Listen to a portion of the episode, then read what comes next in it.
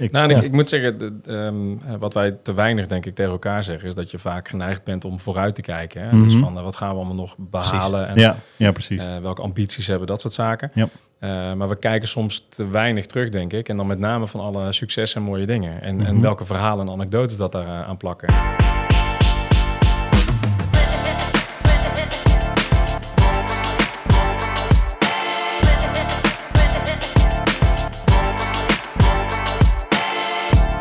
Welkom en leuk dat je luistert naar weer een nieuwe aflevering van de Ondernemende Podcast. Deze keer in de studio TJ Paul en Lars. Lars, welkom. Dankjewel. Welkom. Morgen. Welkom. Stel jezelf even voor. Eh, ja, ik ben Lars, eh 44 jaar. Ehm, Zo oud alweer? Ja. Laat de jongen gewoon even rustig zijn Ja. intro doen. ik vind het ook altijd wel confronterend, maar dat... ehm, Ja, nu extra. Ja. Het went, ja, dank je. Ehm, geboren getogen in de buurt van Breda. Eh, ik heb zelf middelbare en hogere hotelschool eh, als eh, achtergrond. Ehm, na mijn studie ben ik een tijdje op reis geweest. ehm, omdat ik eigenlijk niet zo goed wist wat ik wilde met mijn leven. Ehm, toen ik terugkwam had ik eh, behoorlijke schuld. En geen werk. En nou, er moest verandering in komen. En via wat omwegen ben ik uiteindelijk bij AFAS terechtgekomen. Nou, die kennen jullie ook wel. Daar heb ik uiteindelijk bijna 13 jaar gewerkt. verschillende rollen gehad. Ik ben een tijdje consultant geweest, projectleider. Uiteindelijk ook sales. En ehm, ja, de laatste jaren dat ik bij AFAS heb gewerkt, eh, begon het eh, bloed te kruipen waar het niet gaan kon. En eh, de ambitie om te ondernemen, die, ja, die heb ik eigenlijk altijd wel gehad. Eh, mijn vader was ondernemer, had een eigen boomkwekerij. Nou, dat verklaart ook meteen een beetje waar de naam Kwekers vandaan komt. En uiteindelijk heb ik met ehm, eh, twee oud-collega's van AFAS nou, het besluit genomen om te gaan ondernemen. En daar Mhm. is Kwekers uit ontstaan. We zijn nu ongeveer 6,5 jaar onderweg. En ehm, ja, we zijn natuurlijk jullie grootste concurrent. Toch? Of? Zeker. Oh, de meest gewaardeerde concurrent. Ja, wel. dat wel. Ja, precies. Ja. Nou ja, een beetje conculega. Ik zie jullie eerlijk gezegd ehm, eh, ja, meer als mede-ondernemers dan eh, concurrenten. Eh, maar het leuke is denk ik dat we eh, eh, een beetje vergelijkbare reis hebben gemaakt van het maken zijn. En dat is ook wat wij eigenlijk van begin af aan hebben gezegd van joh, Mhm. eh, we, gaan, we gaan een jongensboek schrijven. We gaan een mooie reis maken en eh, hopen daar heel veel mooie avonturen in eh, te beleven. Ja. Eh, nou, en ik denk dat dit er weer eentje is. Dus eh, Ja. hartstikke leuk Ja. dat ik hier vandaag mag zijn. Ja, top. Mag ik, mag ik een persoonlijke vraag stellen? Want de- deze heb ik eigenlijk nooit aan jou gesteld. Maar je weet nog wat wij werkten natuurlijk samen eh, in team toen jouw vader is overleden. Ja. Ehm, is, is de naam, zeg maar, Kwekers en het feit dat jouw vader eh, boomkweker was... een soort van eh, eerbetoon aan hem ook? Of, Eh, ja, wel eigenlijk. Eh, want wij, wij waren op zoek naar een naam die eh, sowieso eh, eh, qua domeinnaam wel goed kon. Ja. Dat, dat was wel een harde voorwaarde. Ehm, en we zochten eigenlijk een naam waar groeien, ontwikkelen, eh, dat in terugkwam. En eh ja, Vissenkom, vond een beetje een gekke naam voor een bedrijf. Ehm, en toen zei eh, Robert, eh, een van mijn compagnons, die zei van... eh, joh, eh, kwekers, is dat niet wat? Je vader was boomkweker en eh, toch een beetje een, een knipoog naar je pa. En eh, zo gezegd, zo gedaan. Dus eh, Mooi. ja, Ja, klopt. Ja. Cool, mooi. Ja, overigens niet iets wat met grote letters op de website staat. Nee, maar dat is gewoon iets leuks. Het is Dat, wel mooi om- Ja, dat, Ja. eh, dat Ja. maakt me ook wel trots. Ja, ja, snap ik. zeker. Tof. Zeker. Mooi. Nou, eh, podcast beginnen we altijd met de supersnelle stellingen. Dus je krijgt er drie. En dan is de bedoeling dat je ze snel met eens of oneens beantwoordt. En na de stellingen krijg je nog tijd om een antwoord toe te lichten. Ehm, laten we beginnen. Met jou ook gelijk, Lars. Ben je er klaar voor? Ik, eh, ik denk het. Oké.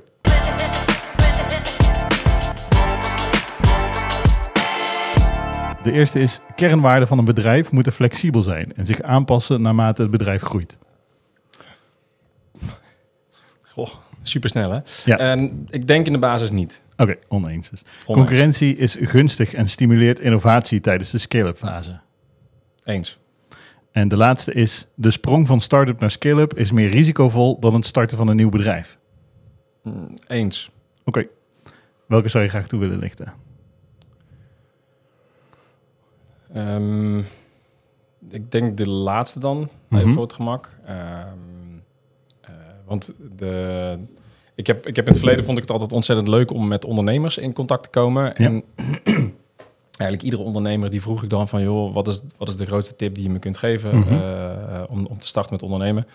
Nou goed, jullie kennen het antwoord, want iedere ondernemer zegt namelijk van, joh, je moet het gewoon gaan doen. Ja, gewoon starten. Ehm, en dat is het ook. Dat is ook echt mijn ervaring. Natuurlijk is het spannend, maar als je eenmaal aan de gang bent, ja, dan, eh, dan gaat het ook wel. Ik denk dat de stap die je daarna maakt, dat vraagt veel meer van je. En eh, ik heb wel geleerd de afgelopen jaren dat je gewoon ehm, heel flexibel moet zijn. eh, dat je ook ehm, het ondernemersrisico op een gegeven moment eh, leert kennen. hè. Mhm. Dus dat je op een gegeven moment ook echt wel keuzes maakt die een bepaalde impact kunnen hebben. Ja, joh, dat heb je eigenlijk de eerste periode helemaal niet. Dan, Heb je wat voorbeelden daarin? Nou, wat nu mij te binnen schiet is dat je op een gegeven moment eh, denkt van... joh, eh, we hebben een, een, een jonge, gezonde populatie hè, van, eh, van collega's en medewerkers. Ja. Ehm, eh, moeten we eigenlijk die hele dure verzuimverzekering nog wel afsluiten? Hè, dus dat is er eentje waarvan je op een gegeven moment zegt van... nou, dat risico, eh, dat is heel feitelijk natuurlijk... maar op een gegeven moment hebben we gezegd van... nou, dat gaan we dan wel dragen. Nou, vervolgens zie je dus dat er een aantal mensen... eh, ja, Langdurig uitvallen en dan... eh, nou, bijvoorbeeld, ja. En, en, Ja. eh, maar dat, is, dat hoort er dan bij. Mhm. Ehm, eh, en, en, maar zo heb je heel veel dingen. Eh, hoe ga je om met eh, met name de, de zaken waar gevoel bij zit? Dat vind ik altijd best wel eh, spannend ook. Hè, dus op het moment dat je een bepaald eh, idee hebt bedacht ehm, in het leiderschapsteam en je gaat dat delen intern, ja, hoe gaat dat landen? Ja. Vind ik altijd wel spannend. Kijk, als je net begonnen bent, dan ben je met een paar man. Ja, dan is het Achter de dus som- knoop door en gaan. Ja. ja, zeker. Hè, dus dat, eh, dan, dan is het ook soms gewoon een, eh, een mededeling. En jongens, daar moet je het mee doen. Mhm. Ehm, en dat vindt iedereen dan ook logisch. Maar naarmate Ja. je groeit, dan ontstaan er ook veel meer meningen en ehm, belangen, Ja. denk ik. Ja. precies. Tof. Nou, straks meer over Skill-Up, want dat is ook het onderwerp van deze aflevering. Leuk. Ehm, Paul, dan gaan we door naar jouw supersnelle stellingen. Kom maar op. En de eerste is, het behouden van de start-up cultuur tijdens het opschalen kan schadelijk zijn voor de groei van het bedrijf. Oneens. Oké, leiders van skill-ups moeten bereid zijn hun rol drastisch te veranderen om het bedrijf te laten groeien. Eens. En de grootste fout gemaakt tijdens de skill-up fase zijn vaak de meest waardevolle leermomenten. Eens. Welke zou jij graag willen toelichten? Die, eh, die tweede. Ja, dus leiders van skill-ups moeten bereid zijn hun rol drastisch te veranderen om het bedrijf te laten groeien.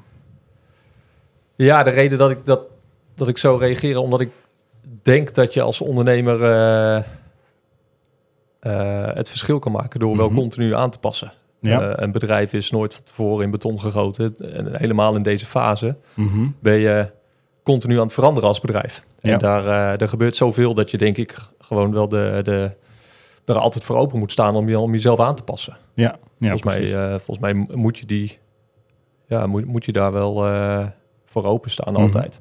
Ja, oké. Mee eens? Ja, zeker.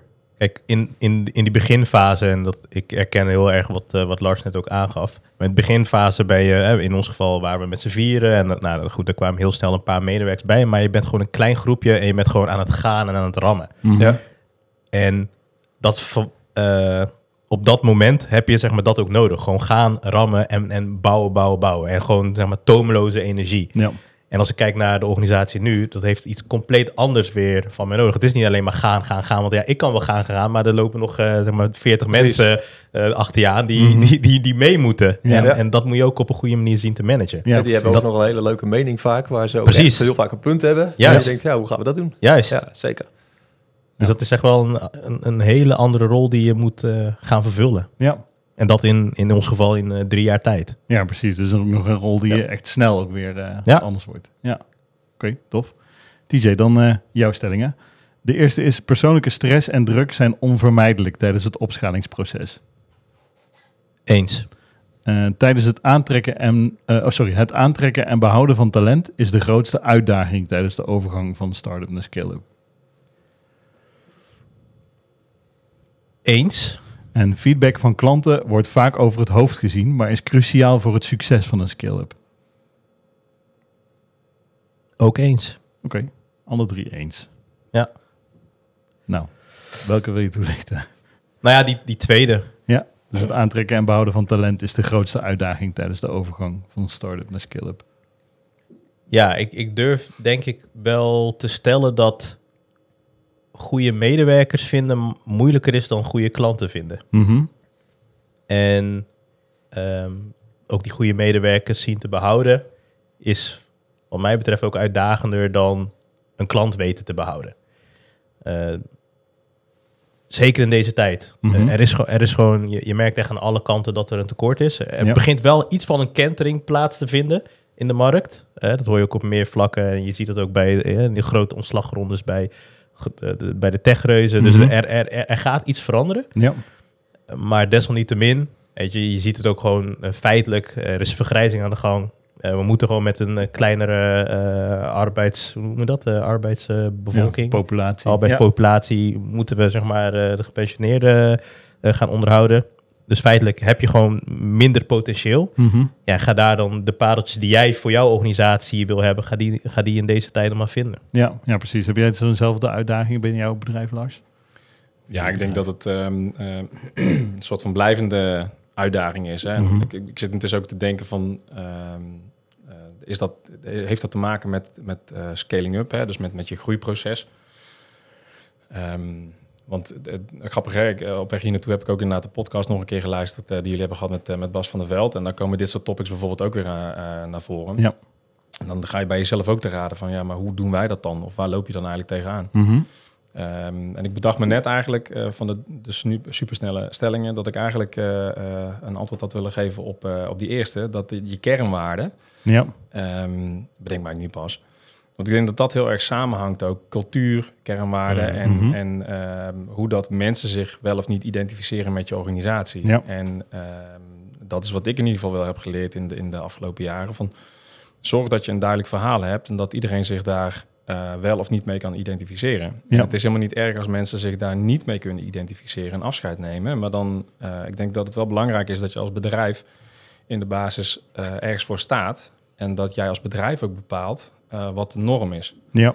Eh, en aan de hand daarvan eh, ja, moet je soms ook je verlies nemen. Mhm. Dat, dat is wel wat we de afgelopen jaren hebben gezien. En we hebben ook geleerd dat ja, die ene medewerker die eigenlijk zo graag wil houden, maar die zich niet meer senang voelt bij de Mhm. wereld waarin dat die zit. Ja, dan moet je op een gegeven moment moet je ook leren loslaten. Ja. Ja. Hè, dus dat, dat is denk ik iets wat er ook wel mee, mee samenhangt. Ja. Zeker. Ja. Mooi. Is ook een podcastaflevering geweest, hè? Loslaten. Ja, Ja, dit. Ja. Mooi, die herkenbaarheid. We hebben er al zoveel gemaakt. en we, er komen er nog veel meer aan. Goed, dan eh, gaan we door naar het onderwerp van deze week. En dat is eh, scaling up.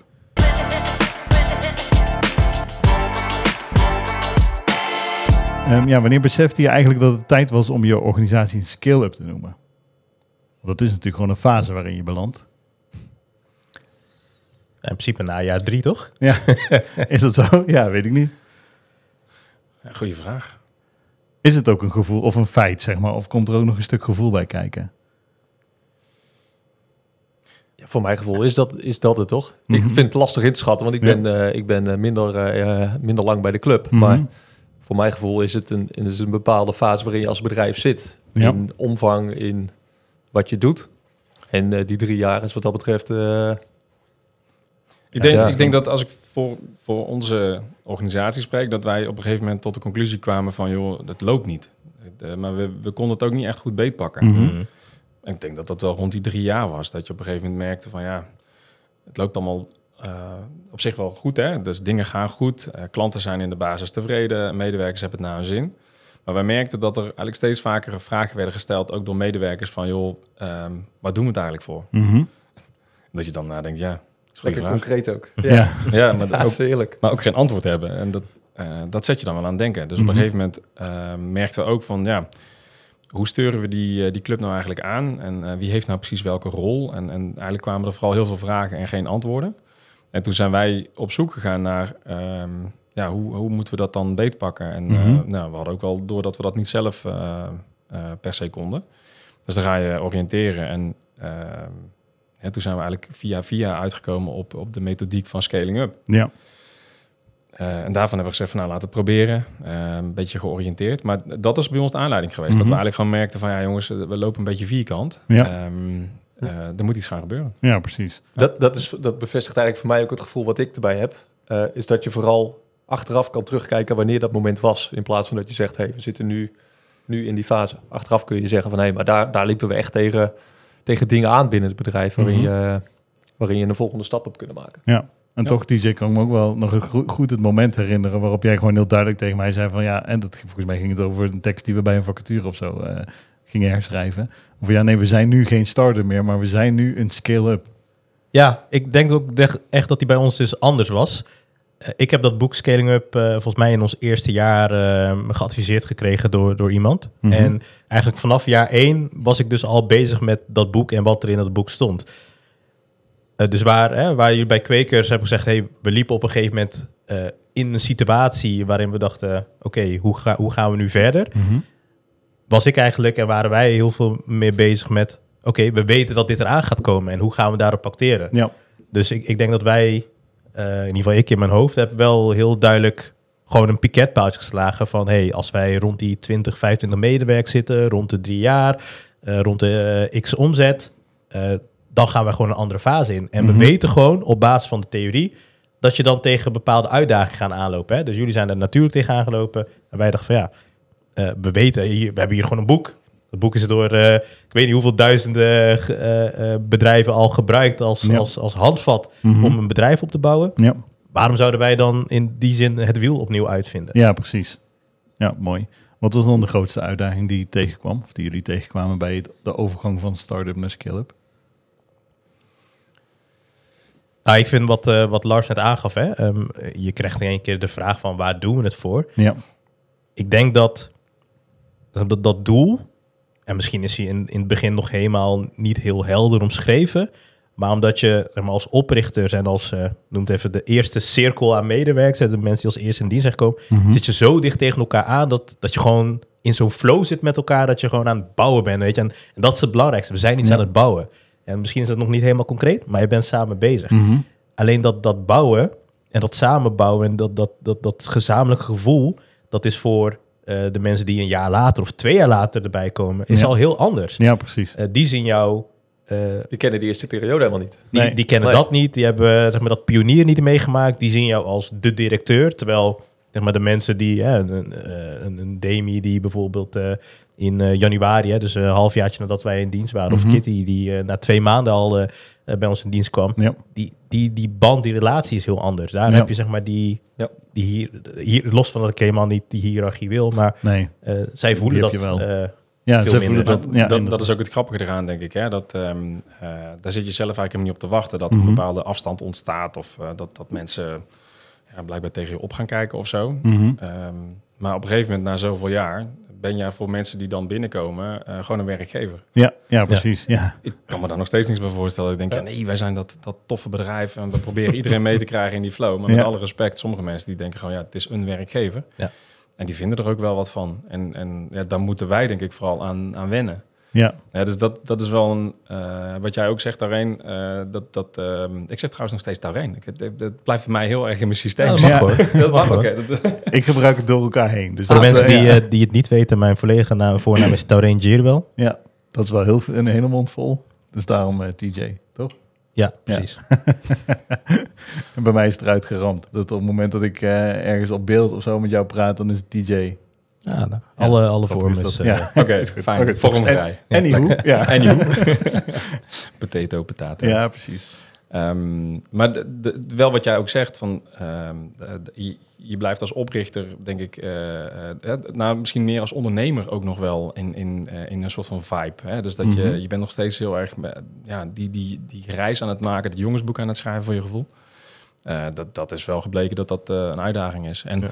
Daar kom je ook wel weer terug op cultuur en kernwaarden. Ehm, eh, hoe zorg je ervoor dat ook mensen die nu eh, toetreden, dat die ook weer eh, meestappen in, in dat verhaal. En Ja. ook gaan snappen waar je vandaan komt en waarom dat wij dingen belangrijk vinden.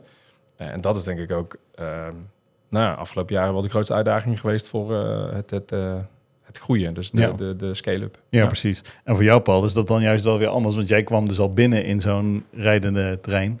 Die nogal moeilijk hard reed. En precies, zeg maar, nadat het een skill-up was geworden, ben jij aan boord gekomen.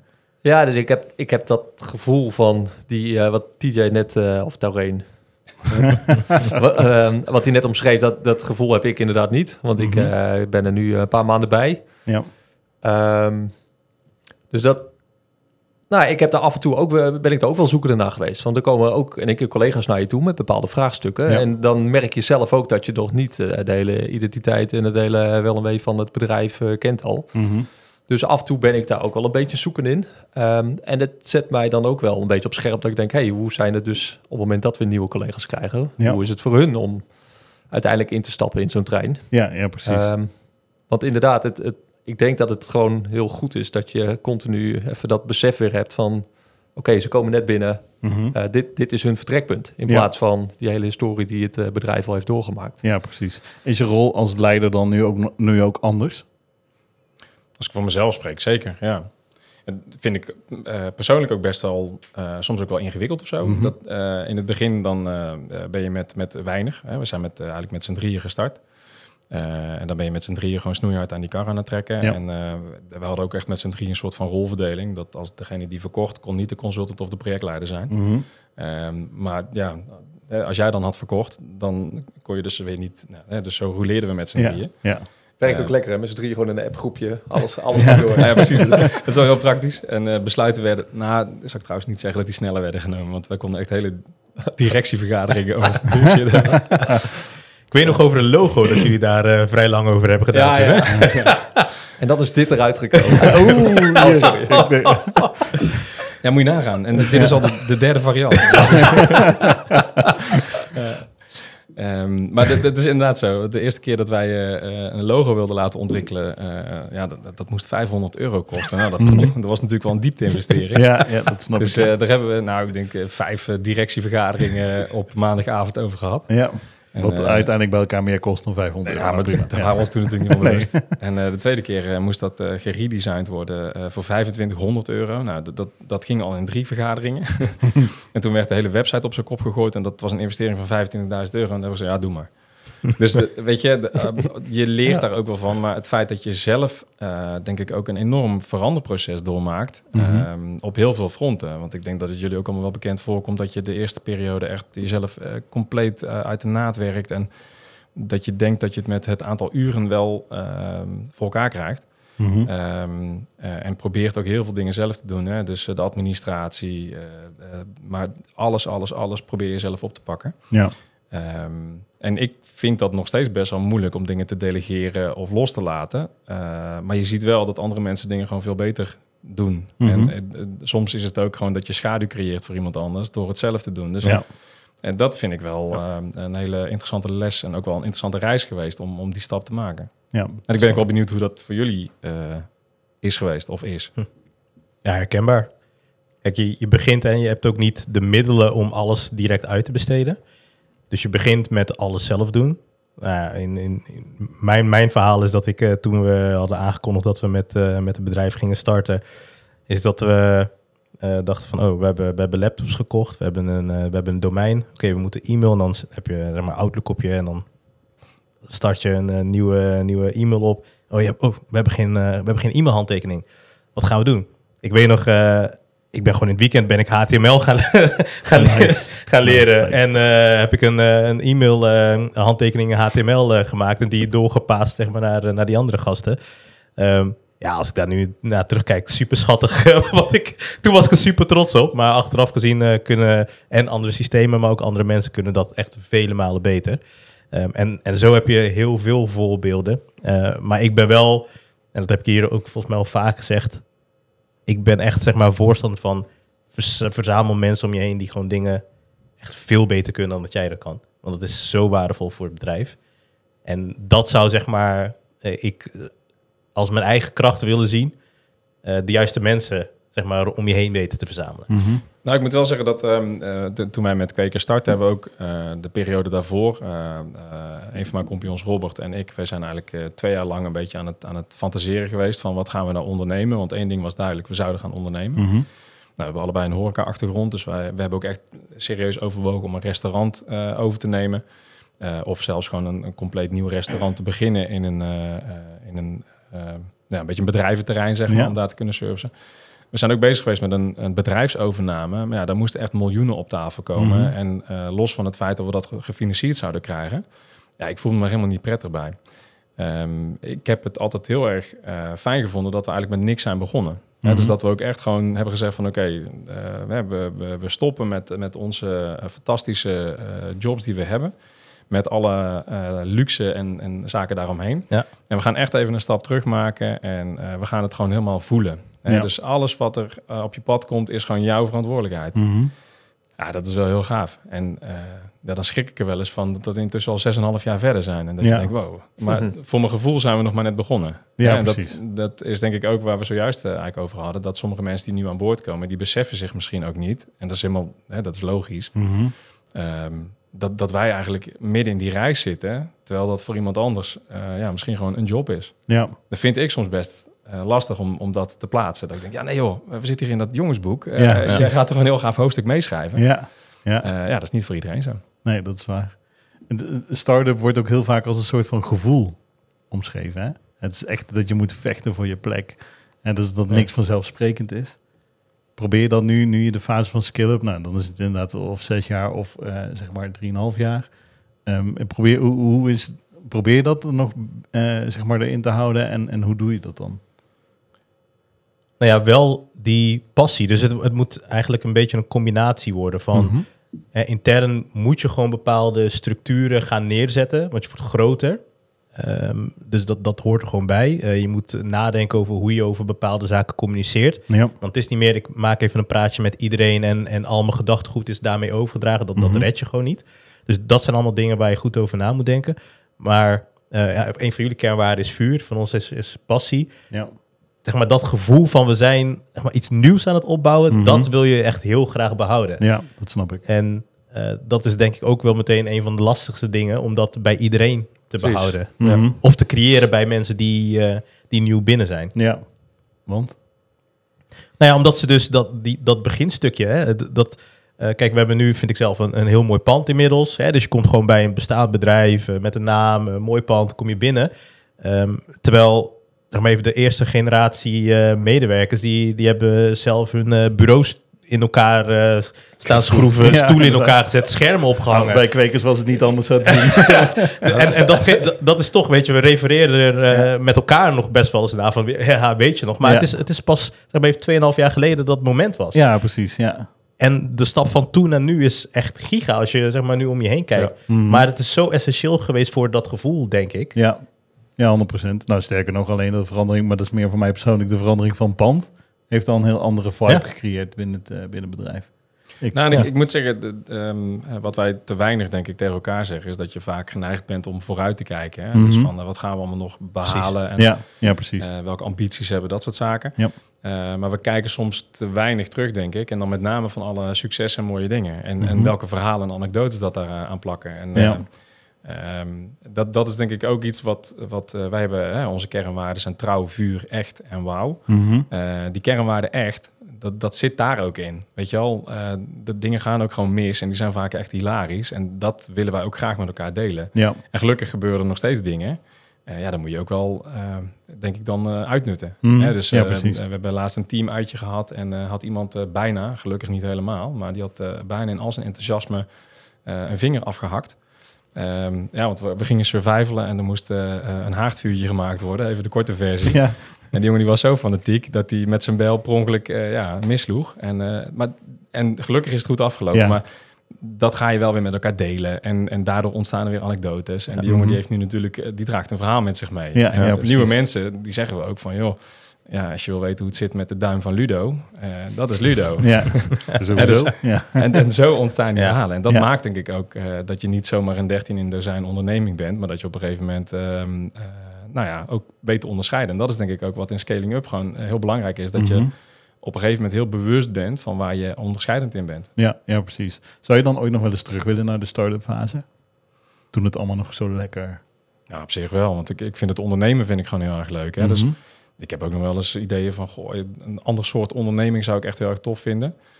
Ik denk wel dat je dan weer iets anders aanpakt, omdat je ook lessen hebt geleerd. Ja. Hè, dus je gaat denk Ja. ik ook gewoon andere keuzes maken. Dat je ja, achteraf denk ik wel eens van, joh, wat liepen echt de krentenkakken. eh, eh, die 50 euro voor dat 500 logo, euro. 500 Ja. Ja, wat doe je moeilijk over? Ehm, maar goed, dat heeft ook zo zijn charmes. Ja, dus eh, ja, ik denk dat je misschien nu iets groter durft te denken dan een paar jaar geleden. ja, maar dat is gewoon puur gebaseerd op ervaring. Dat denk ik wel. Ja. Ja. Voor jou, TJ?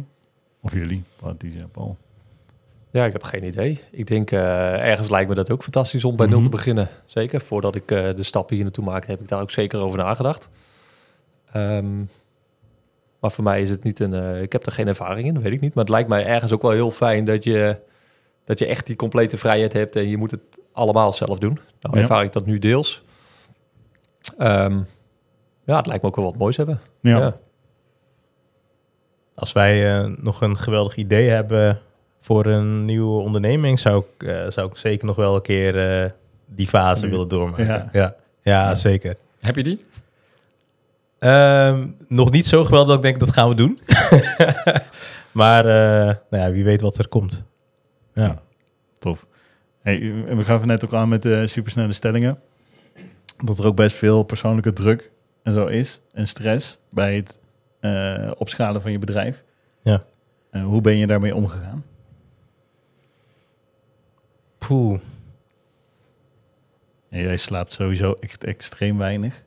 Dus bij jou zit er Ja. wel meer dan... eh, Ja, ik, het scheelt. Ik heb inderdaad wat meer uurtjes in een dag dan de gemiddelde persoon, denk ik. Ehm, ik moet eerlijk zeggen dat ik niet echt weet of ik een, een goede manier heb om te dealen met de, de stress die erbij komt kijken. En mhm. Ehm, het is niet zeg maar dat ik last heb echt van stress, maar ik merk gewoon, of ik voel me wel heel erg verantwoordelijk voor alles en iedereen. Voor het bedrijf, voor de mensen, voor de gezinnen van de mensen. En, en voor wat ik, wat ik en wat we graag met Foxen willen bereiken. En al, al Mhm. die elementjes, die zorgen bij mij... Nou, da- daarom, ik weet niet of stress misschien het juiste woord eh, is, maar En je staat wel altijd aan op dat vlak. ja, ja, dat wel. Zeker. ja. Je Zeker, lacht ik kan het niet echt loslaten. Nou, het, feest van herkenning. Want, ehm, eh, en ik heb misschien goed nieuws, maar eh, ik heb denk ik de eerste vier, vijf jaar heb ik ook echt eh, met minimaal uren in een nacht. En als ik dan s'nachts wakker word, werd, dan ging het, het motortje ook meteen aan. Hè? Dus dan Mhm. kwamen de ideeën en Ja. Eh, regelmatig dat ik ik, eh, ja. ja. En dan eh, om drie uur s'nachts of zo, of twee uur, dan stapte ik maar mijn bed uit. En, dan, en soms reed ik ook echt naar kantoor. En dan in alle rust muziekje aan en dan ging ik aan de gang. Ehm, en ergens ben ik er ook heel trots op, hè, want mij is... Ja, dat, Twee uur s'nachts. ja hoor. Ja, die heb ik nog niet gehad. Maar ik heb wel dat ik een collega... Hè, jij hebt nog wel eens een appje van mij... dat ik in één keer een idee Ja, had. om half vijf of zo, kwart over vier. Prima. Ja. maar naar kantoor, dat heb ik nog niet gedaan. Wel naar Nee. de gym, maar het kantoor is nog Ja, wel... maar eh, weet je, ja. de, de setting is dan meer van... dan heb je een setting waarin dat je gewoon lekker die energie kwijt kunt. En ja, het Ja. punt is natuurlijk ook dat je dan echt rust hebt in je hoofd. Hè, en dan komen de beste ideeën. Mm.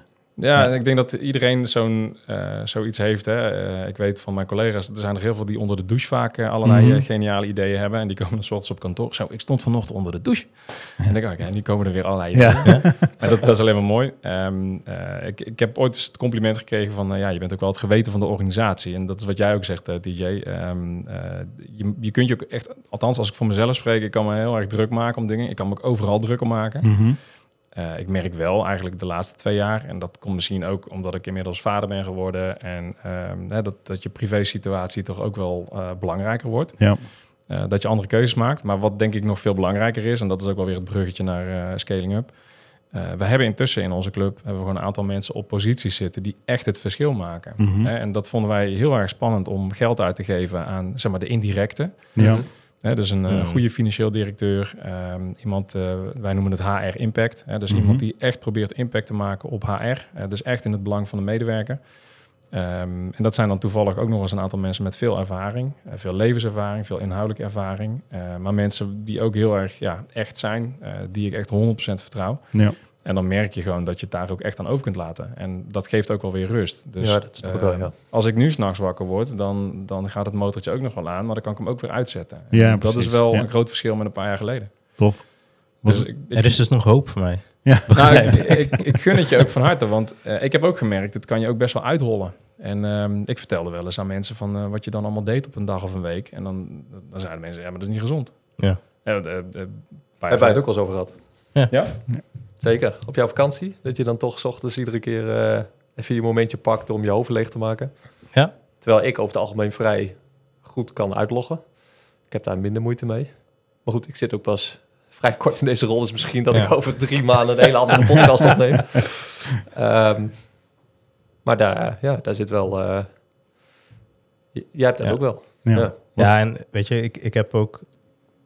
Ik heb heel veel ideeën en, en ik zie van alles. En, en wat ik zeg, je bent gewoon continu met, met die droom bezig. En zelfs in mijn dromen ben ik met mijn droom bezig. En dan- ja, dan word ik wakker en dan, dan precies wat je zegt, dat motortje staat aan.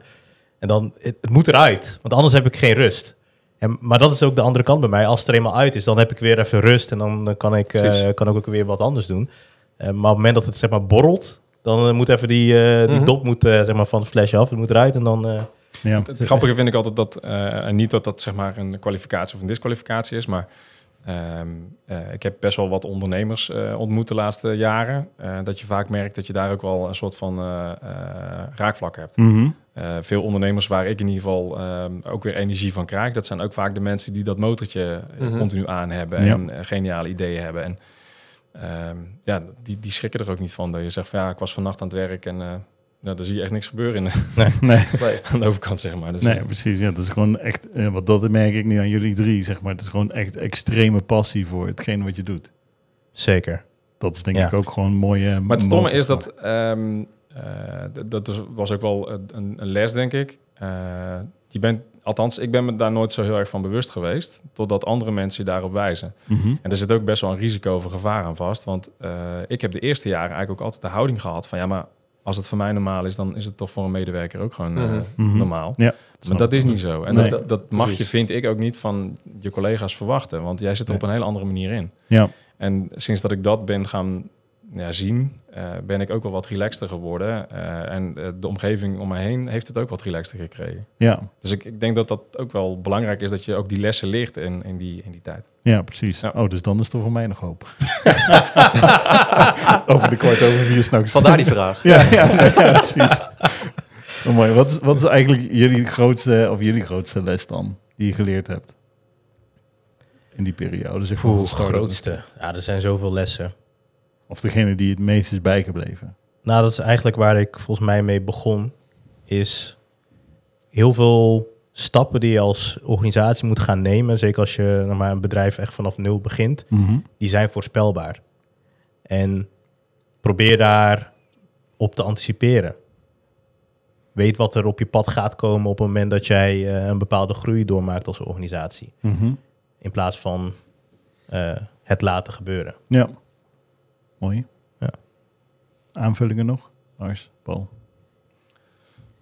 Nou, dit, eh, wat er bij mij in ieder geval nog wel te binnen schiet, is dat ik denk van ja, wat, wat wij laatst eh, hebben ook een soort van eh, terugblik gedaan. Hè? Dat, dat doen wij ieder jaar vanuit Mhm. de scale-up methode ook. Eh, dat wij ook wel tegen elkaar zeggen van ja, het volharden. Hè? Dus niet zomaar opgeven. En natuurlijk, hè, je moet ook oppassen dat je niet jezelf te pletten rijdt. Ja. Ehm, eh, maar ik denk dat, eh, dat je het ook niet zomaar moet opgeven. Dus als het de eerste keer niet lukt en de tweede keer ook niet, dan de derde keer meestal wel. Mhm. Maar dat kost wel energie. En eh, je moet soms ook echt wel eh, nou ja, de bühne op. Hè? Dus je moet ook echt wel die mensen mee gaan zien te krijgen die eigenlijk helemaal geen zin hebben. Nee, precies. Dat Of is- waarbij de prioriteit anders ligt. Of, Ja, en dat is denk ik een beetje ook het spel wat je moet spelen. Mhm. Maar volharden is wel echt een les eh, die wij hebben geleerd de afgelopen jaar. Ja. Niet zomaar opgeven. Eh, ja, dat. Moet je daar dan ook een beetje eigenwijs voor zijn soms? Ja, op, eh, of ik het ben, dat, eh, daar kan ik je wel een antwoord op geven. Maar of je moet zijn, weet ik niet. Ik, eh, sommige mensen die, daar heb ik ook wel heel veel ja, respect voor, dat sommige mensen echt gewoon ehm, eh, op een hele andere manier tegen de wereld aankijken en even Mhm. goed een bepaald resultaat kunnen bereiken. Ja, Dat vind ik ook het interessante van, van mensen ontmoeten die eh, een hele andere visie hebben. ja. Nee, dat snap ik. Misschien meer overtuigingskracht. Ook ben je overtuigd van hetgeen wat je wil neerzetten. Ja. Ja, daarna kun je nog steeds dan- kaartje neus stoten. Maar dan heb je in ieder geval ja. geprobeerd. Ja, dat is wel waar. Mooi. Oké, nou dit was hem weer. Het zit alweer op een half uur. Nou, Zo snel weer voorbij gevlogen. gaan. Ja, Zo, precies. Of zelfs in de totale podcast over een half uur heen met de stellingen. Ja, dus dat was hem weer. Ja, een, een nieuwe aflevering van Ondernemende Podcast. Nou, heb je nog niet genoeg inspiratie gehad? Volg ons dan op LinkedIn, Instagram, TikTok of YouTube. Eh, en alle linkjes staan natuurlijk in de show notes. We zullen ook jouw eh, LinkedIn-profiel even in de show notes erbij zetten. Nice. Eh, Even de concurrent promoten. ja, Ja. inderdaad. Ja. Gewoon puur om het verhaal. Ja. Mocht je dienstverlening willen afnemen, dan weet je in ieder geval waar je moet zijn. dan is Weldingsveen toch echt wel veel mooier dan... eh, waar was het ook alweer? Ah, het is wel Ja. mooi, hè, jongens, want ehm, volgens mij is eh Foxter eh, ongeveer hetzelfde als, als wat, waar Kwekers voor staat, toch? Dat is toch ook groei? Eh, ja, zeker. Goed in Dus- het IJsland. Ja, precies. dus ehm, eh, weet je, uiteindelijk potato, potato. Ja, inderdaad. dus. Is het, ja, precies. Dat En houdt toch- ons scherp. Ja. Mooi. Nou, vind je deze podcast nou leuk? Beoordeel ons dan in jouw favoriete podcast app en abonneer je natuurlijk om geen enkele aflevering meer te missen. Lars, dankjewel. Dankjewel mannen. Paul, TJ bedankt. Dankjewel. Martijn, bedankt. Jij bedankt voor het luisteren en tot de volgende.